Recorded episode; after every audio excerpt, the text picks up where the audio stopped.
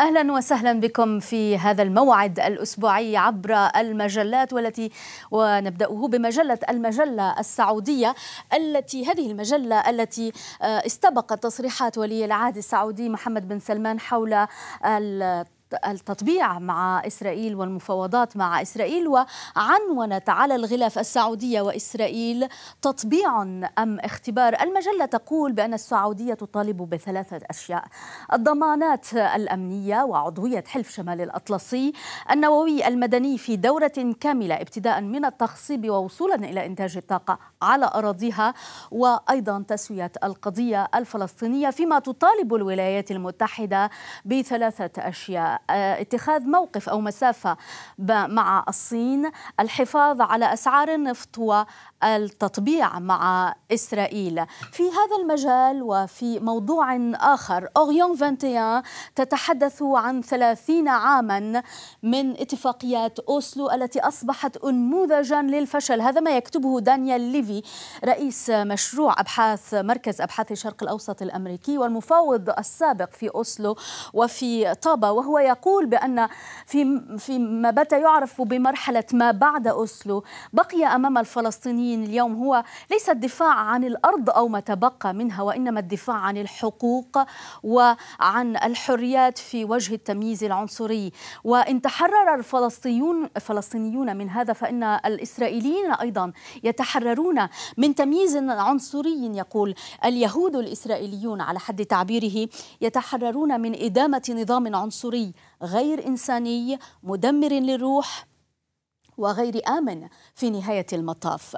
في مجلات هذا الأسبوع حديث آخر عن هذه العلاقة الفرنسية المغربية التي أصبحت طلاقا بعد جفاء. هذا ما تكتبه مجلة ليكسبريس التي تعود على العلاقات الثنائية بين الرجلين، بين الرئيس ماكرون وبين الملك محمد السادس، كل شيء أو تقريبا كل شيء يفصل بينهما. تكتب هذه المجلة بين رئيس شاب مسرع آه، يريد أن يحكم على جميع النطاقات ومحكوم بصناديق الاقتراع في جمهورية خامسة لا يتعدى عمرها المئة عام. وبين ملك كهل لا يحب الحكم كثيرا بقدر حبه للتسفار والتجوال خاصة إلى خارج المغرب.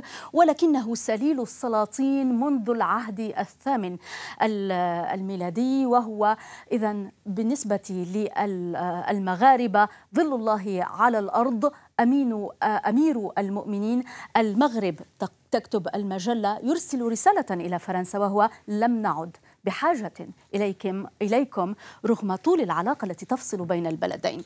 في موضوع آخر هذه المرة عن العلاقات المصرية الفرنسية من زاوية أخرى. لومون ديبلوماتيك تعيد نشر هذا التقرير للصحفية أغيان لافغيو هذه الصحفية التي آه، أثارت آه، أثار توقيفها واستجوابها لمدة 48 ساعة من طرف من طرف المديرية العامة للأمن الداخلي الفرنسي الصدمة لدى الفرنسيين وهي سابقة من نوعها قبل أن يتم إطلاق سراحها. تهمتها أنها كشفت أسرارا توصف بسري دفاع هذه الأسرار تتعلق بتزويد الاستخبارات الفرنسية للسلطات المصرية بمعلومات استغلتها السلطات المصرية لتصفية معارضين مصريين. تضامنا مع أغيان لافغيو تنشر لومون ديبلوماتيك هذا التقرير حول دور المؤسسة العسكرية في مصر التي تستحوذ على شريان الاقتصاد المصري في كافة المجالات من مجال البناء إلى مجال المعلوماتية حتى وصولا إلى رغيف الخبز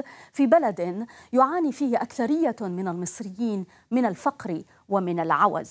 في مجلات هذا الأسبوع أيضا حديث في ذا إيكونوميست عن هذه الحرب الأوكرانية التي أصبحت حرب استنزاف. علينا أن نفكر في طريقة للخروج من هذه الحرب وفي سيناريو آخر لأن سيناريو الهجوم المضاد لم يؤتي أكله آه، قبل آه، آه، حلول موسم البرد. وفي تكتب ذا إيكونوميست البريطانية وفي دير شبيغل الألمانية حديث عن جذور هذه الحرب والتي تقول المجلة بأنها بدأت العام 2008 عندما تغيرت عقيدة حلف شمال الأطلسي إلى عقيدة التوسع بدل الدفاع.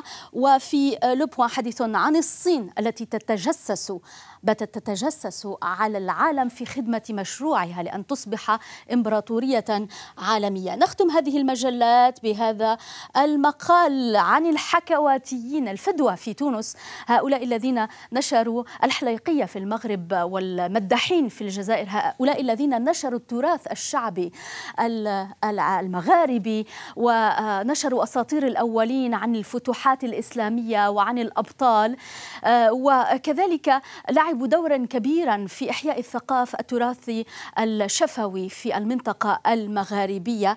هؤلاء الذي تخصص لهم مجلة لو كوريي انترناسيونال إذا آه، مقالا مستفيضا وتقول بأنهم انقرضوا بوصول مع وصول الراديو وإلى التلفزيون إلى المخيلة الشعبية. هكذا أعزائي المشاهدين ننهي هذه الجولة عبر المجلات. قدمناها لحضراتكم من فرانس 24